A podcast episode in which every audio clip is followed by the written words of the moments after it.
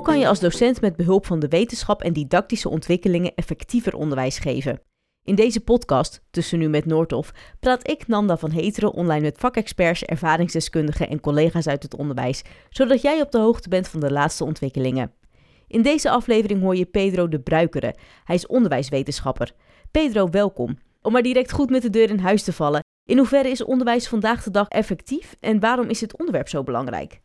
Wel, uh, als we gaan kijken naar de resultaten die we de voorbije uh, jaren gehoord hebben, als het gaat over PISA, Pearls, TIMS, om er maar een paar te noemen, ja, dan zou je kunnen denken dat het onderwijs niet zo effectief is. Als nu heel concreet 1 op 3 15-jarigen in Nederland functioneel analfabeet is, dan hebben we een probleem. Tegelijkertijd denk ik dat er wel genoeg inzichten zijn die vandaag op de klasvloer ingang krijgen. En het is mogelijk dat het al effectief aan het verbeteren is, maar dat we het nog niet zien. Ik blijf op dat vlak hoopvol. En ik denk dat ook ja, de wetenschap daar kan bij helpen. voordat we verder gaan met dit onderwerp, eerst iets over jou. Wie ben je? Wat doe je precies voor werk? Ik ben van opleiding pedagoog, maar daarvoor werd ik eerst een leerkracht Nederlands geschiedenis aardrijkskunde voor het voortgezet onderwijs. Tweede graad zou dat zijn in Nederland. En ik ben daarna verder gaan studeren en uiteindelijk ook gedoctoreerd. Um, ik heb meer dan twintig jaar lesgegeven in de lerarenopleiding. Ik heb nu een vraag gekregen van de Vlaamse regering en de Vlaamse overheid om een tegenhanger in Vlaanderen op te richten van wat jullie in Nederland kennen als het NRO, Nationaal Regieorgaan Onderwijsonderzoek. Vlaanderen heet dat Leerpunt. Ik ben dat nu aan het opstarten en ik ga dat ook leiden. Maar omdat ik het lesgeven en onderzoek doen echt niet kan missen, ben ik ook nog één dag per week verbonden aan de Universiteit van Utrecht als docent. Wat leuk. En je vertelde mij eerder dat je ook professioneel muzikant bent, toch? Ja, semi-professioneel muzikant. Uh, mensen geloven dat soms niet. Ik heb echt al meegemaakt dat iemand mij afkwam en die zei van, wist je dat je een naamgenoot hebt die ook muziek maakt? Uh, omdat mensen blijkbaar moeite hebben om uh, te geloven dat mensen meer dan één trucje kunnen. Maar ik zou de muziek echt niet kunnen missen. Waar moet ik dan aan denken? En, en is je muzikale vorming dan echt gevormd toen jij als leerling op het voortgezet onderwijs zat? Ik luister al heel lang naar muziek en ik ben leren gitaar spelen. Um, niet omdat ik zo'n enorme fan was van Dire Straits, alhoewel ik was een enorme fan van Dire Straits en Mark Knopfler. Maar wel omdat ik uh, heel graag liedjes schreef. Ik bedenk al liedjes van toen ik uh, zeven jaar was. En um, ik wou die liedjes zelf kunnen ook ja, vormgeven. En dus heb ik maar uh, mijzelf verplicht gitaar te leren spelen om die liedjes uit mijn hoofd te kunnen krijgen. En ik weet niet of dat in Nederland bestaat, um, maar op uh, de 100 dagen, dat, dat is een feestdag, uh, eh, 100 dagen vooraleer dat je afzwaait van het voortgezet onderwijs, ben ik niet naar het feest geweest. Ik ben een gitaar gaan kopen. En ik heb dan vanaf die dag, elke dag gedurende jaren, drie uur per dag geoefend. Wat belachelijk veel is en wat voor mijn familie op dat moment een absolute ramp was. Neem van mij aan. Maar ik deed dat omdat ik twee dingen wist. Eén, ik wil dit kunnen. En twee, ik heb niet genoeg talent om dit spontaan te kunnen, dus ik moet heel hard werken. Was jij ook zo als leerling voor je schoolvakken? Zo van, ik moet het kunnen en ik ga er nu voor zitten, net zolang totdat het, uh, totdat het lukt? Was het maar waar. Ik ga eerlijk bekennen, in het voortgezet onderwijs wist ik dat ik een goede balans kon krijgen. We zouden dan nu een work-life balance of een study-life balance kon krijgen als ik streefde om 65% te halen, 65 op 100. Ik las toen al heel graag. Ik las heel veel. En toen kon ik genoeg boeken lezen en ook nog slagen met 65%. En ik hoefde echt niks meer te hebben. Ik moet wel bekennen, in het hoger onderwijs ben ik gaandeweg wel af en toe al een heel pak ambitieuzer geworden. Terugkomend op het onderwerp en, en over onderwijswetenschappen in het algemeen. Wat prikkelde jouw interesse in dit vakgebied en waarom? Wel, uh, ik ben eerst en vooral leerkracht geworden, uh, omdat ik zelf zeer goede leerkrachten gehad heb. En dus ik vond het belangrijk, ik wou vaak iets terug doen. In het Engels heb je pay it forward. En ik besefte dat ik niet iets terug moest doen naar mijn eigen leerkracht, alhoewel ik nog altijd niet kan laten om hen soms te eren met uh, te zeggen van ik heb dat van die of van die opgepikt. Maar door zelf goed les te geven ik wou een hele goede leerkracht worden. En het waren mijn docenten in de hogeschool die er mij op wezen van, ja, maar waarom ga je niet zelf nog naar de universiteit gaan studeren, zodat je zelf bijvoorbeeld lerarenopleider kan worden? En dat was in feite mijn echte droom. Ik wou dan zelf proberen goede leraren te vormen, Want dan had ik nog ja, misschien meer kinderen dat geluk bezorgd dat ik gekregen heb. Mijn vrouw die was aan het doctoreren. Die wees er mij op dat ik zelf meer onderzoeken las. Eh, dat er meer onderzoeken aan mijn kant van het bed lagen dan aan haar kant van het bed. En zei van, waarom doctoreer je dan toch niet? En ja, van het een kwam het ander. En op die manier uh, ben ik erin gerold. Maar voor mij gaat het in feite vooral, hoe kan ik ervoor zorgen dat kinderen meer leren? Maar ik, ben, ik noem mij bewust ook pedagoog, omdat dat ook mijn opleiding is. En dan kijk ik ook niet enkel naar hoe kun je maken dat ze beter leren, maar ook ja, hoe, wat gaan we ze leren? Waarom gaan we er iets bij leren? Uh, de relatie die, uh, tussen de lesgever en de school aan de ene kant en de leerling, dat zijn ook zeer belangrijke thema's. Ja, dat zijn de elementen waar ik ondertussen al heel lange tijd mee bezig geweest ben. Je wordt ook wel omschreven als een heuse mythbuster. Uh, heb je een voorbeeld van een ontzettend achterhaalde aanname binnen ons vakgebied? Oh, spijtig genoeg zijn er veel te veel. Uh, we hebben een eerste boek geschreven, uh, Jongens en slimmer dan meisjes. Daar zaten meer dan 30 mythes in, waarvan dat ik dacht, uh, ja, die gaan nu wel gaan verdwijnen. Wat ik niet verwacht had, was dat we zoveel vragen kregen dat we een tweede boek moesten schrijven met alle andere mythes die mensen zeiden van, ja, maar klopt dit? Hoe zit het daarmee? Ik durf bijna niet meer over mythes praten, omdat ik denk van iedereen zal dit wel weten. En tegelijkertijd zijn zo klassiekers als leerstijlen of de leerpyramide, ja, die blijven dus opduiken. Ik word er soms een beetje moedeloos van, omdat ik denk van, ja, die, dat zijn zo Loch Ness monsters, die maar, eh, of zombies, die niet dood willen. Tegelijkertijd ja, moeten we blijven herhalen, want we weten ook dat bijvoorbeeld zoiets als leerstijlen, ah, tijdverlies zijn, dat is tijd die je niet kan stoppen in andere zaken, maar dat je ook ja, zelfs een negatief effect kan hebben. Niet omdat je niet enkel meer effectieve dingen kan doen, maar dat je ook uh, een soort van vooroordelen op kinderen kunt leggen die dan ook niet eens passen. Ik moet zeggen, ik schrik hiervan, want leerstijlen is toch in 2006 een van de eerste onderwerpen die wij op de lerarenopleiding hebben besproken. En iedere keer werd het teruggepakt gedurende die vier jaar lang op de leerstijlen zoals je een groep leerlingen zou kunnen bedienen. Ja, en dat is dus complete onzin. Uh, er is zelfs een wetenschappelijke prijs uit geloof.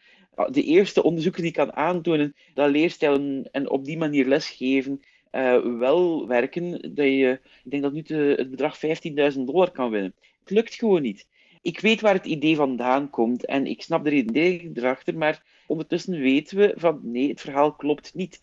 Nu, wij hebben uh, heel veel verschillende instellingen, in, indelingen. Je hebt misschien Kolp gestudeerd, je hebt misschien uh, visueel auditief kinesthetisch geleerd. Uh, ik ken er nog 70 andere. En geen enkel daarvan heeft ja, de wetenschappelijke toets doorstaan. Meer nog, het kan zijn dat jij vandaag, als je zo'n test aflegt, dat je vandaag op die manier scoort, maar dan heb je weinig garantie dat je binnen twee weken uh, op dezelfde manier gaat scoren. Wat wel bestaat, is dat mensen leervoorkeuren hebben. Het kan zijn dat jij denkt van, ja, om te studeren uh, moet ik het een keer gelezen hebben, of moet ik het een keer, um, een keer overschrijven, of moet ik het een keer uitleggen aan iemand anders. Nu, dat laatste uitleggen aan iemand anders kan een, een effectieve studiemethode soms zijn, maar in het algemeen weten we dat aansluiten bij die leervoorkeuren mm, het onderwijs niet effectiever maakt. Nou, dat, is duidelijk. Dan doen we deze podcast in ieder geval niet voor niets. Het onderwijs in Nederland staat momenteel natuurlijk best onder druk. Eh, denk hierbij aan bijvoorbeeld het lerarentekort, de leermotivatie, hoge cijferdruk. Is deze situatie vergelijkbaar met België? En in hoeverre kan wetenschappelijk onderzoek in deze kwesties dan iets betekenen? Wel, het lerarentekort is geen Nederlands probleem, is geen Vlaams probleem, maar is, is een probleem in ja, de hele wereld. Niet in alle landen, maar in ontzettend veel landen. We merken dat ja, mensen vandaag de dag minder geneigd zijn om, om voor het prachtigste beroep ter wereld te kiezen, namelijk leerkracht. En dat vind ik jammer. Dus dat is al een gelijkaardig probleem. We merken, als we kijken naar internationale studies, dan merken we dat in heel veel landen de PISA-resultaten achteruit gaan.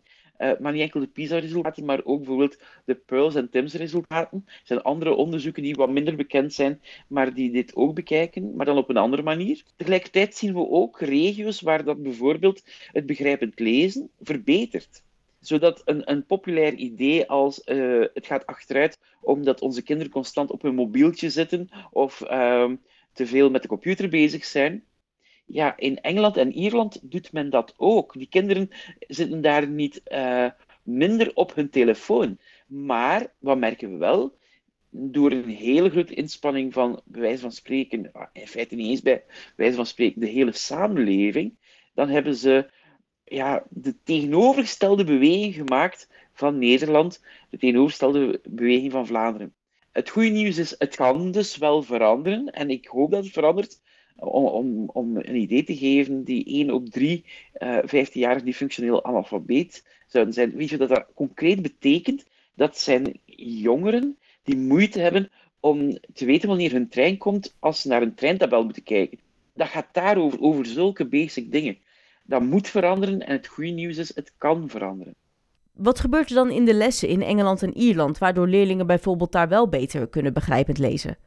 Ja, eerst en vooral, het gaat niet enkel over het onderwijs. Ik ga direct over het onderwijs terugkomen, maar als uh, de leerkrachten niet genoeg lezen, als er minder ruimte is voor lezen op school, ja, dan zal een kind dat ook minder doen. Daarom ook in Nederland heb je het leesoffensief. Dat is in feite een stukje dat teruggaat op wat men in Engeland gedaan heeft. Dat is ook een stuk wat men in Ierland gedaan heeft. Dus je merkt daar dat een totaal aanpak, waarbij heel de samenleving samenwerkte. Nu, in de klas zijn er ook wel dingen. Uh, een maatregel, bijvoorbeeld in Engeland, is dat elk kind uh, op het einde van wat in Nederland groep 4 uh, eh, zou zijn, dat elk kind op het einde van groep 4 technisch moet kunnen lezen. Want als jij niet technisch kan lezen, rond 9 à 10 jaar evolueer je van leren lezen naar lezen om te leren. En als jij moeite hebt uh, met technisch lezen, ja, dan ga jij ook niet informatie uit een tekst kunnen halen. Um, is dit de bepalende factor? Ja, het is moeilijk. In onderwijs is het niet zo dat één ding zorgt voor één resultaat. Ik wou dat het zo uh, eenvoudig was, maar heel vaak, bijna altijd, werken verschillende zaken op elkaar in. Uh, en dat is ook het gevaar. Ik bedoel, op dit moment, de drie landen, uh, zeker in Europa, die de grootste achteruitgang, of beter, de snelste achteruitgang uh, gezien hebben in internationale vergelijkingen, zowel bij Pearl, zowel bij PISA, zijn België en vooral dan Vlaanderen, Nederland en Finland. Nu, wat hebben we de voorbije twintig jaar vaak gedaan? Ja, Finland was een van de best scorende landen, of het best scorende land ter wereld. Ja, we zijn massaal beginnen kopiëren wat Finland deed. Maar het probleem is, als je dan copy-paste doet van, van dingen uit een bepaalde regio, zoals Finland, ten eerste kan het zijn dat dat niet de oorzaak was waarom ze goed presteerden. En als je maar één ding uitneemt, dan kan het zijn dat het helemaal geen effect heeft. Of in dit geval dat je dingen kopieert van een land dat ooit goed scoorde, maar nu uh, ja, steeds slechter doet. En dit is een voorbeeld hoe dat wetenschap ook al kan helpen. Want op die manier kunnen we gaan kijken naar wat zijn bepaalde elementen die er kunnen voor zorgen dat kinderen meer leren of dat de ongelijkheid tussen kinderen minder groot wordt, dat onder, ja, onderwijs meer fair is. En, en dat vind ik wel zeer belangrijk op die manier. Het lijkt me ook een hele interessante ontwikkeling. Want als je niet direct kan aanwijzen waar de oorzaak zit, uh, dan kan je dat ook niet kopiëren één op één naar andere landen toe. Maar in Nederland hebben we ook heel veel boekstagrammers. Dus op TikTok of op andere sociale media. Dat influencers echt zeggen: dit boek moet je echt lezen en wel hierom. En dat leerlingen juist heel erg enthousiast worden. Zie je daar niet effect van? Ik denk het is een vrij recent fenomeen. En ik, ik ben zelf behoorlijk optimistisch, heb ik daarnet gezegd. Ik denk dat er uh, bijvoorbeeld voor rondlezen, maar ook op andere domeinen, zowel in de klas als daarbuiten, wel degelijk positieve evoluties zijn. Maar onderwijs, kijk, beeld u in, ik ga gewoon de redenering heel uh, eenvoudig proberen mee te geven. Beeld u in dat we nu in groep 3 en 4, maar ook in groep 1 en 2 in voorbereiding, echt al veel beter leesonderwijs geven in vergelijking met tien jaar geleden. Ik hoop het. Stel dat dat het geval is. Oké.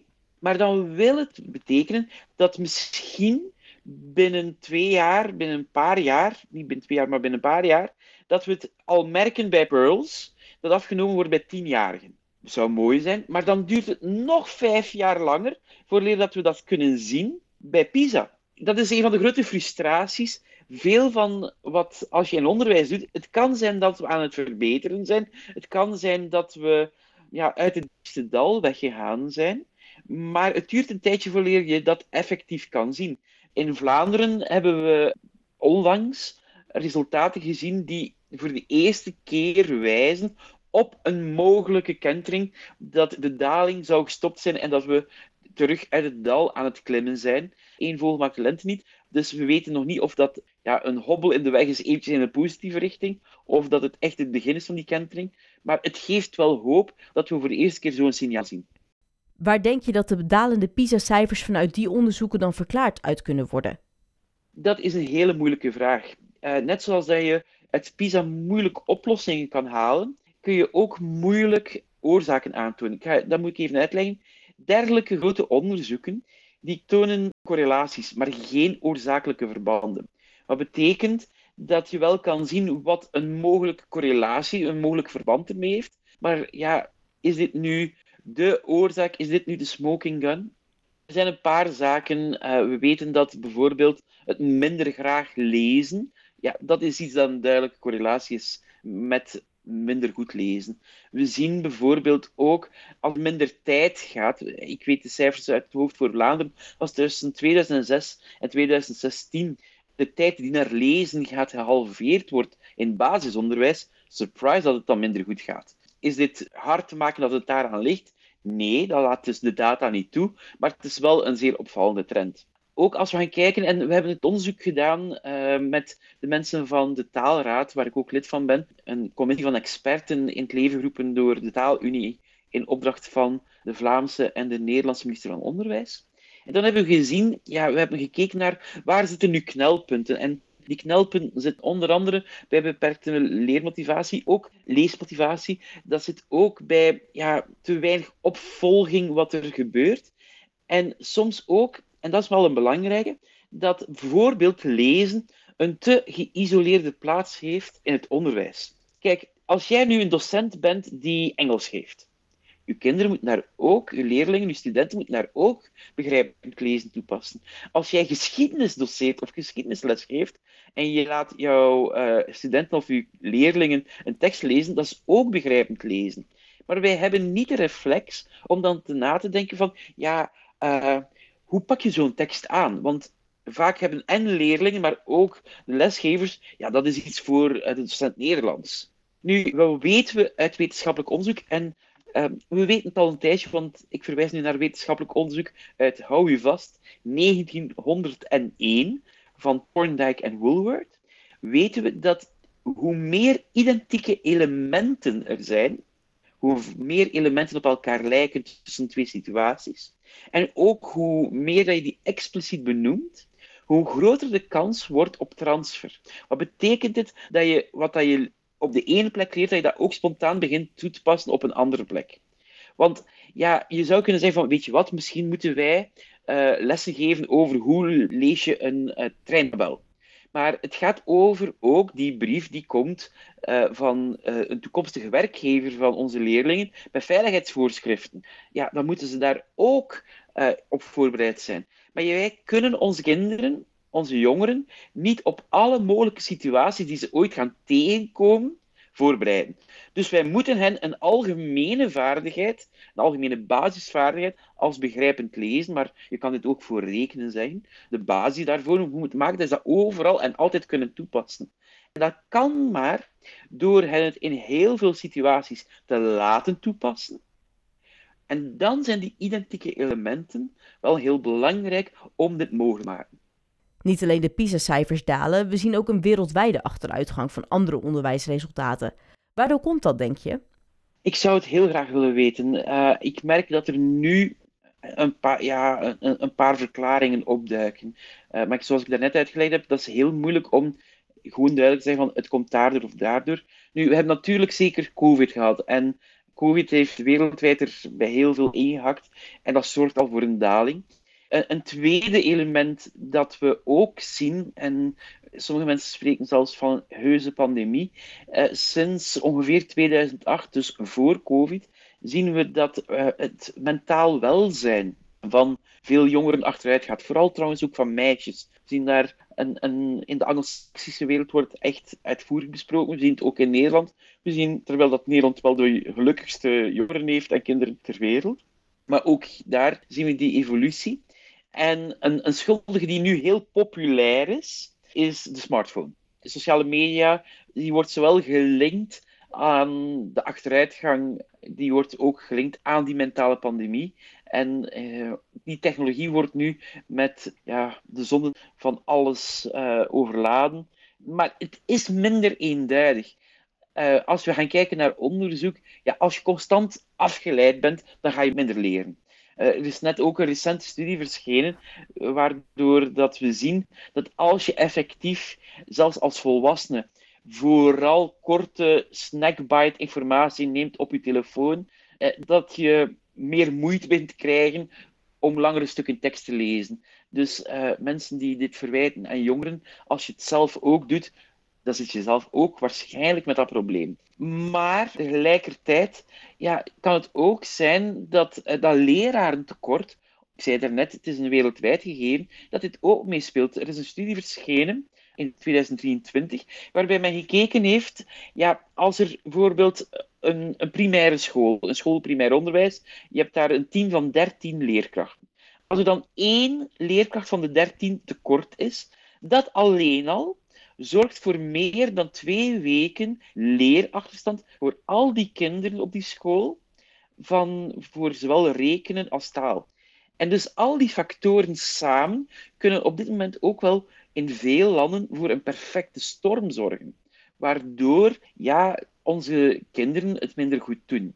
Nu, soms hoor je dan ook wel zeggen van, ja, maar weet je wat, de wereld evolueert, we leven nu meer in een beeldcultuur, misschien zijn ze daar beter in. We weten dat uh, een soort van visuele intelligentie, dat dit wel degelijk uh, toegenomen is, dat dat verbeterd is, terwijl dat logisch denken ietsje slechter zou worden. Maar in al die gevallen gaat het vooral ook over informatie verwerken. Het gaat erover dat je informatie uit een bron haalt. En dan merken we dat daar ja, bij heel veel jongeren echt wel moeite is. En in tijden waarin we het al een paar jaar over fake news hebben, terwijl dat natuurlijk geen recent fenomeen is, maar toch, maar een recent fenomeen van artificiële intelligentie, ChatGPT, die uh, teksten kan uh, maken, deepfakes. Ja, die kritische houding, maar een kritische houding met basis, met genoeg kennis, met genoeg uh, strategieën om daar bewust mee om te gaan,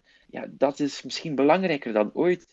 Zo, dat zijn nogal een hoop problemen ineengekaderd. En het wordt ook wel schrijnend als je je bedenkt hoeveel lerenachterstand uh, we hebben opgelopen en hoeveel gevolgen dat heeft.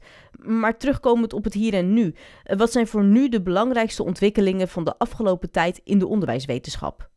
Wel, je merkt dat um, de voorbije tien jaar, maar ietsje meer op sommige plekken, ja, maar echt ruim de laatste vijf jaar, dat effectieve didactiek steeds meer naar, ja, onder de aandacht gekomen is.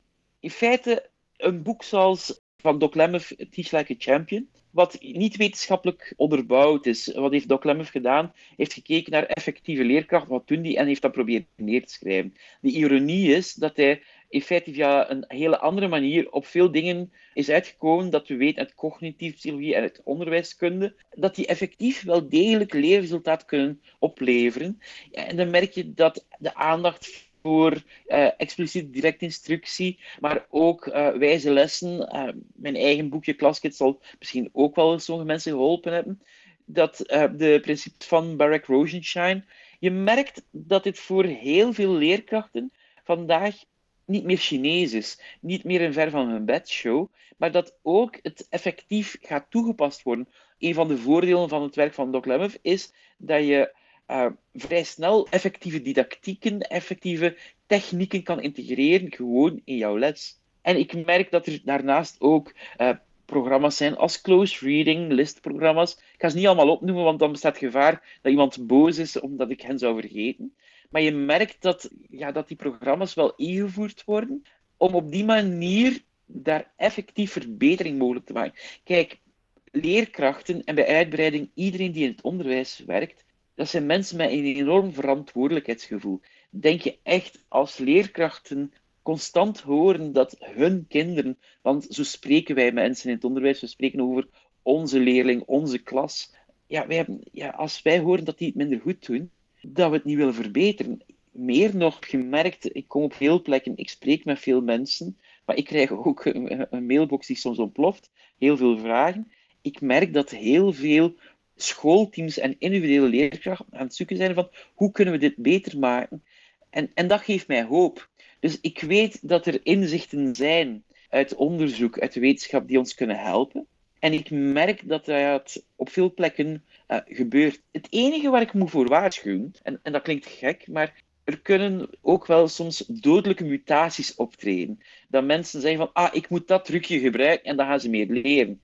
Ja, het gaat nog altijd over de professionaliteit van leerkrachten, want als we één ding zeker weten, is in onderwijs niet alles werkt en niets werkt altijd. E, die bijvoorbeeld expliciete directe instructie, ja, dat werkt voor verschillende zaken, maar ik denk dat niemand zal beweren dat dit voor elk onderwerp altijd werkt of aangewezen is. Het is heel belangrijk dat je genoeg variatie krijgt van werkvormen en de ene keer in die context werkt dit beter, in een andere context werkt dat beter. Ik denk dat dat heel belangrijk is dat die professionaliteit van die leerkracht blijft erkend en herkend worden. Vandaag spreken we daarom ook niet meer over evidence-based onderwijs, maar evidence-informed. De wetenschap kan informeren over wat kan werken, wat veelal werkt, wat soms ook nadelen kunnen zijn. Want ja, als je, dus vergelijk het met medicijn, als je een medicijn koopt, zit er ook een bijsluiter bij van, hmm, ja, dit niet gebruiken als je zwanger bent als we dan echt leerkrachten en professionals krijgen die weten van dit kan werken, maar in deze situatie, voor dat doel, bij die leerling, is misschien iets anders meer aangewezen. Ja, ik, ik denk dat we daar naartoe aan het groeien zijn en dat dat het mooiste is dat je onze kinderen kan bezorgen. Deze podcast begon met de vraag hoe je als docent met behulp van de wetenschap en didactische ontwikkelingen effectiever onderwijs kan geven. Deze vraag is nog niet helemaal beantwoord, dus mijn vraag is: hoe doe je dat? Dames en heren, dit is aflevering 1 van een reeks van 500 afleveringen. Uh, krapje. Er zijn heel veel zaken. Ik denk dat het allerbelangrijkste waarmee je moet beginnen, is maken dat je het effect van je daden kan zien. Wat bedoel ik daarmee? Kijk, uh, een van de grootste gelukken die we hebben in onderwijs, is dat we kunnen experimenteren. Dat klinkt een beetje gek, maar als leerkracht kan je meer experimenteren dan als onderzoeker. Waarom? Als wij als onderzoeker een experiment willen doen, dan moeten wij een hele ja, ethische controle doorgaan, die u gelukkig niet moet doen. Als dan een les minder goed loopt, geen probleem. Daarna volgt een nieuwe les. Oké. Maar als je experimenteert, als je bijvoorbeeld een techniek die ik vernoemd heb, en als je naar de podcast terugluistert, heb ik al veel technieken vernoemd. Bijvoorbeeld uh, dual coding gebruiken, dus een combinatie van beeld en gesproken tekst, zonder dat je dat overbelast. Of gespreide herhaling, of retrieval practice, om drie klassiekers te noemen. Als je die probeert, als je daarmee aan de slag gaat, met experimenteert, maar jij kan niet zien of die techniek op dat moment het, ja, echt voor een meerwaarde zorgt bij je leerlingen, hoe weet je dan of dit iets is voor jouw toolbox of voor jouw toolkit om ervoor daarna voor andere situaties ook niet te gaan gebruiken? Ik ben het eens met John Hattie. Uh, die zegt van, ja, je moet het leren eerst zichtbaar maken. En, en daar gaat het soms fout, want uh, wij verwarren soms dingen met leren die helemaal geen leren zijn. Bijvoorbeeld, Robert Coe heeft daar een mooi lijstje van gemaakt. Bijvoorbeeld, als we. Soms hoor ik van leerkrachten of van studenten die lesgegeven hebben. Ja, ik heb heel goed lesgegeven, want mijn klas was heel druk bezig. Heel fijn, maar dat wil niet zeggen dat ze geleerd hebben. Of mijn klas was heel motiveerd. Goed zo, houden zo. Maar dat wil niet zeggen dat ze meer geleerd hebben. Of mijn klas was heel kalm. Ja, ze laten slapen. Nee, kijk, als je wil weten of jouw aanpak ervoor gezorgd heeft dat jouw leerlingen meer gemotiveerd zijn, dan moet je de motivatie observeren. Zie je daar een positieve evolutie. Maar als je wil weten of jouw leerlingen meer geleerd hebben uh, door een nieuwe aanpak die je geprobeerd hebt, ja, dan moet je kijken, hebben ze actief meer geleerd? Dat kunnen in kaart brengen, dat kunnen zien van leren, is denk ik voor mij de eerste stap. Want anders kan je niet experimenteren en weten, dit is iets voor mij, dit is iets voor die leerling, en dit andere misschien niet. Je zei net dat het nogal een heel uitgebreid antwoord is, maar heb je misschien wel drie concrete tips die docenten morgen al kunnen inzetten op basis van de laatste onderwijskundige inzichten om hun lessen nog beter te maken? Wel, ik ga het proberen zo heel concreet mogelijk te maken. Bijvoorbeeld, wat je kan doen, is um, begin eens een les van, met de, gewoon de vraag: beste leerlingen, beste studenten, neem allemaal eventjes een blaadje papier en probeer op te schrijven wat je nog weet van mijn vorige les. Dat klinkt gek en dat kan een beetje frustrerend zijn. Het goede nieuws voor jou, het heeft niet veel voorbereidend werk gekost. Ze schrijven het op en je hebt misschien een klein lijstje gemaakt van wat ze best hadden kunnen antwoorden. Maar op die manier ga je veel beter weten wat je leerlingen nog weten, waar dat ze misschien foute dingen verzonnen hebben. Maar je kan ook jouw leerlingen tonen wat ze al kunnen. Wat ook heel belangrijk is voor motivatie. En op die manier heb je hen ook een effectieve studiemethode aangeleerd. Want als ze dit doen, ja, dan uh, gaan ze in feite veel effectiever studeren dan bijvoorbeeld een samenvatting maken. En dan willen veel uh, leerlingen daar niet van weten, van ja, maar samenvattingen, ik heb dat nodig, doe dat graag. Ja, dan kan je zeggen van, weet je wat, maak jouw samenvatting, weten dat dat wel niet zo effectief is, maar maak jouw samenvatting door eerst drie pagina's te lezen, dan jouw boek dicht te doen, het op te schrijven en na te kijken. Dat, dan introduceer je iets dat het veel effectiever maakt. Dat is een eerste heel concrete tip. Een tweede concrete tip is um, en dit klinkt misschien heel gek, maar ga wat vaker met jouw collega's op café. Nou, die moet ik uitleggen, denk ik. Want hoe zou het nu kunnen voor zorgen dat jouw leerlingen meer leren als jij ja, vaak op café gaat, iets gaat drinken en als je niet wil gaan drinken, vaker gaat wandelen met collega's. Het is heel belangrijk dat de neuzen van een team in dezelfde richting staan. Dat heeft van alles wat we doen in onderwijs, die uh, in dezelfde richting, ja, heeft het grootste leereffect bij John Hattie. Dat heeft te maken met wat we noemen collective teacher efficacy. Het gemeenschappelijk uh, geloof dat je het verschil kan maken voor de leerlingen samen. Maar in feite is het veel concreter en praktischer. Kijk, als een leerling of een student van de ene klas, van de ene docent bij de andere docent komt, en die komt terecht in een compleet andere wereld, ja, dan vergt dat enorm veel aanpassingstijd. Aanpassingstijd die niet naar leren gaat. Als je een paar zaken gemeenschappelijk krijgt, als je een paar zaken op elkaar afstemt, wat zorgt dat ervoor? Dat zorgt voor houvast voor je leerlingen. Dat zorgt ervoor dat um, uw leerlingen meer voorspelbaarheid krijgen. En daardoor, door die rust, ja, daardoor gaan ze meer leren. En de derde, ja, ik wil er toch echt nog iets zwaar pedagogisch aan toevoegen. Zie uw leerlingen graag. Dat klinkt nu heel flauw. En nu ga je zeggen van, ja, maar hoe pak ik dat aan? We weten, als we kijken naar onderwijseffectiviteitsonderzoek, misschien had je gedacht dat ik zou beginnen over feedback geven. En ja, dat werkt ook zeer goed. Maar een goede relatie tussen de leerlingen en de lesgever is in dezelfde grote orde van feedback kunnen geven. Goede feedback geven. Het effect is even groot.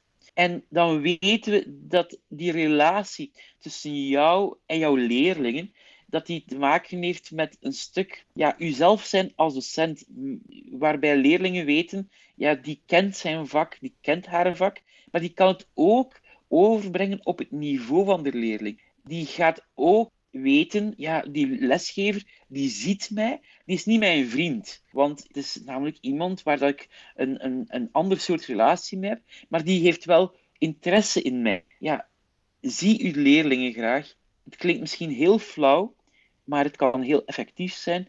En het is in feite wat ons beroep het mooiste beroep ter wereld maakt. En het zijn drie concrete tips in de vorm van motivatie er is soms um, een heel raar idee dat mensen gemotiveerd moeten zijn om te leren, terwijl het omgekeerde ook waar is. Namelijk, doordat je leert, doordat je dingen oppikt, kan je ook meer gemotiveerd worden. En bijvoorbeeld die eerste concrete tip, die zorgt ervoor dat er meer geleerd wordt. Die rust die de tweede tip oplevert, ja, die zorgt ook dat er meer geleerd wordt, waardoor die motivatie ook weer kan vergroten. Wat leuk, had ik er nog nooit over nagedacht. Uh, nee. Uh, heb je trouwens ook voorspellingen voor de toekomst van het onderwijs? Wat kunnen we bijvoorbeeld verwachten van het smartphoneverbod, waar we het eerder al over hadden, of de opmars van kunstmatige intelligentie? Uh, ja, ik, ik, ben geen Madame Soleil, ik heb geen glazen bol. Maar soms is het wel een keer handig om te kijken naar andere landen. Als we gaan kijken naar bijvoorbeeld het smartphone- en mobieltjesverbod, dus zal dit de grote ommekeer veroorzaken. Misschien een klein stukje, maar dit is niet de gamechanger. Uh, ik wil u niet bang maken, maar Macron heeft dus jaren geleden een smartphoneverbod ingevoerd en nu, begin 2024, heeft hij nieuwe plannen bekendgemaakt. Uh, namelijk dat uh, hij wil gaan naar uh, uniformscholen over heel Frankrijk en hij wil de burgerschapsdienst veralgemenen. ik wil niks zeggen, maar wie weet wat er binnen zes jaar gebeurt in Nederland. Als we het hebben over artificiële intelligentie, we kijken daar allemaal met, met verstomming naar. En het is een fantastische goocheltruc. En ik moet eerlijk bekennen, ik gebruik het woord goocheltruc heel bewust, omdat um, op dit moment veel van de taalmodellen die gebruikt worden, die denken niet na, dat zijn rekenmodellen. En die maken nog heel veel fouten. Gaat dit verbeteren? Waarschijnlijk. Maar ik proef nu soms al dat um, de verwondering die we eind 2022 hadden, dat die verwondering nu al een stukje ja, gaat luwen bij sommige mensen. Dat er ook meer kritische gedachten komen opduiken. En ik denk dat het dit nog gaat toenemen. Ik denk dat er nog fantastische dingen gaan uitkomen, maar dat het meer in balans gaat geraken. En waarom zeg ik dat? Omdat dat bij elke technologie wel in meer of mindere mate, bijna elke technologie in meer of mindere mate gebeurd is. Uh, we hebben de voorbije honderd jaar hebben van heel veel technologie gezegd, dit gaat heel de wereld veranderen. Terwijl bij veel technologieën die de wereld echt veranderd hebben, dat we daar bijna niet bij stilgestaan hebben. Um, om maar een idee te geven, het feit dat we eten kunnen koelen, uh, het feit dat we riolering aangelegd hebben, dat zijn enorm grote evoluties geweest die de wereld echt veranderd hebben, maar waar we op dat moment misschien niet bij stilstonden en waar we nu ook niet gaan over praten als we denken van dit zijn de grote revoluties. Ja, de man die, of de vrouw die ooit het bord en krijt uitgevonden heeft, die heeft vrij veel veranderd in onderwijs en misschien zelfs iets geïntroduceerd dat hardnekkiger is dan, dan veel devices die de voorbije 40 jaar uh, gekomen zijn en weer verdwenen zijn. Dus ik kan niet voorspellen of artificiële intelligentie zo'n grote gamechanger zal zijn. Ja, iedereen die er fan van is, en zeker iedereen die er geld mee verdient, zal dat waarschijnlijk zeker zeggen. En ik ben benieuwd, maar ik probeer daarin zo nuchter mogelijk te blijven. Je bent op jouw manier heel betrokken bij de onderwijssector. Het is een vakgebied waar heel veel goed gaat en uiteraard ook heel veel voor verbetering vatbaar is. Als jij de onderwijsminister zou zijn van Nederland, wat zou je dan veranderen en hoe ga je dat veranderen en waarom? Het eerste dat ik zou doen als ik minister zou zijn, is mezelf ontslaan, want ik zou een verschrikkelijk slechte minister zijn. Maak nooit een expert-minister. In feite hebben beide een belangrijke rol. Wij moeten gaan dingen suggereren uh, dingen meegeven die een minister kan doen. Maar er zijn altijd veel meer afwegingen. Er zijn altijd keuzes die moeten gemaakt worden. Je kan elke euro ook maar één keer uitgeven. Dus uh, ik kan wel zeggen wat ik de minister zou aanbevelen. Maar zelf beslissen, nee, dat laat ik aan anderen over. Niet omdat ik die verantwoordelijkheid niet wil nemen, maar iedereen in zijn rol. Maar ik heb wel een zorg. Uh, ik snap nu heel goed dat er meer aandacht komt voor die basisvaardigheden die nu onder druk staan. Maar er schuilt daar ook een gevaar in. En, en daarvoor zou ik een nieuwe minister van Onderwijs, of de huidige minister van Onderwijs, echt willen waarschuwen. Kijk, als het gaat over bijvoorbeeld heel concreet begrijpend lezen, dan gaat het niet enkel over die basisvaardigheid van begrijpend lezen, maar voor begrijpelijk lezen heb je ook een goede kennisbasis nodig. Moet je genoeg de wereld kennen. En die, het gevaar bestaat als je heel strak je focust op basisvaardigheden, dat net die brede kennis onder druk komt te staan, waardoor de ironie zal zijn dat je dat begrijpelijk lezen nog altijd niet verbetert. Dus ja, die basisvaardigheden moeten op orde, maar alsjeblieft hou ook die brede basiskennis, die brede blik op de wereld intact, want anders gaat het niet lukken. Dankjewel in ieder geval voor dit interessante en leuke gesprek. Graag gedaan, het was met mijn volle plezier. Vind je deze podcast nou leuk? Beoordeel hem dan, zodat andere mensen hem ook kunnen vinden.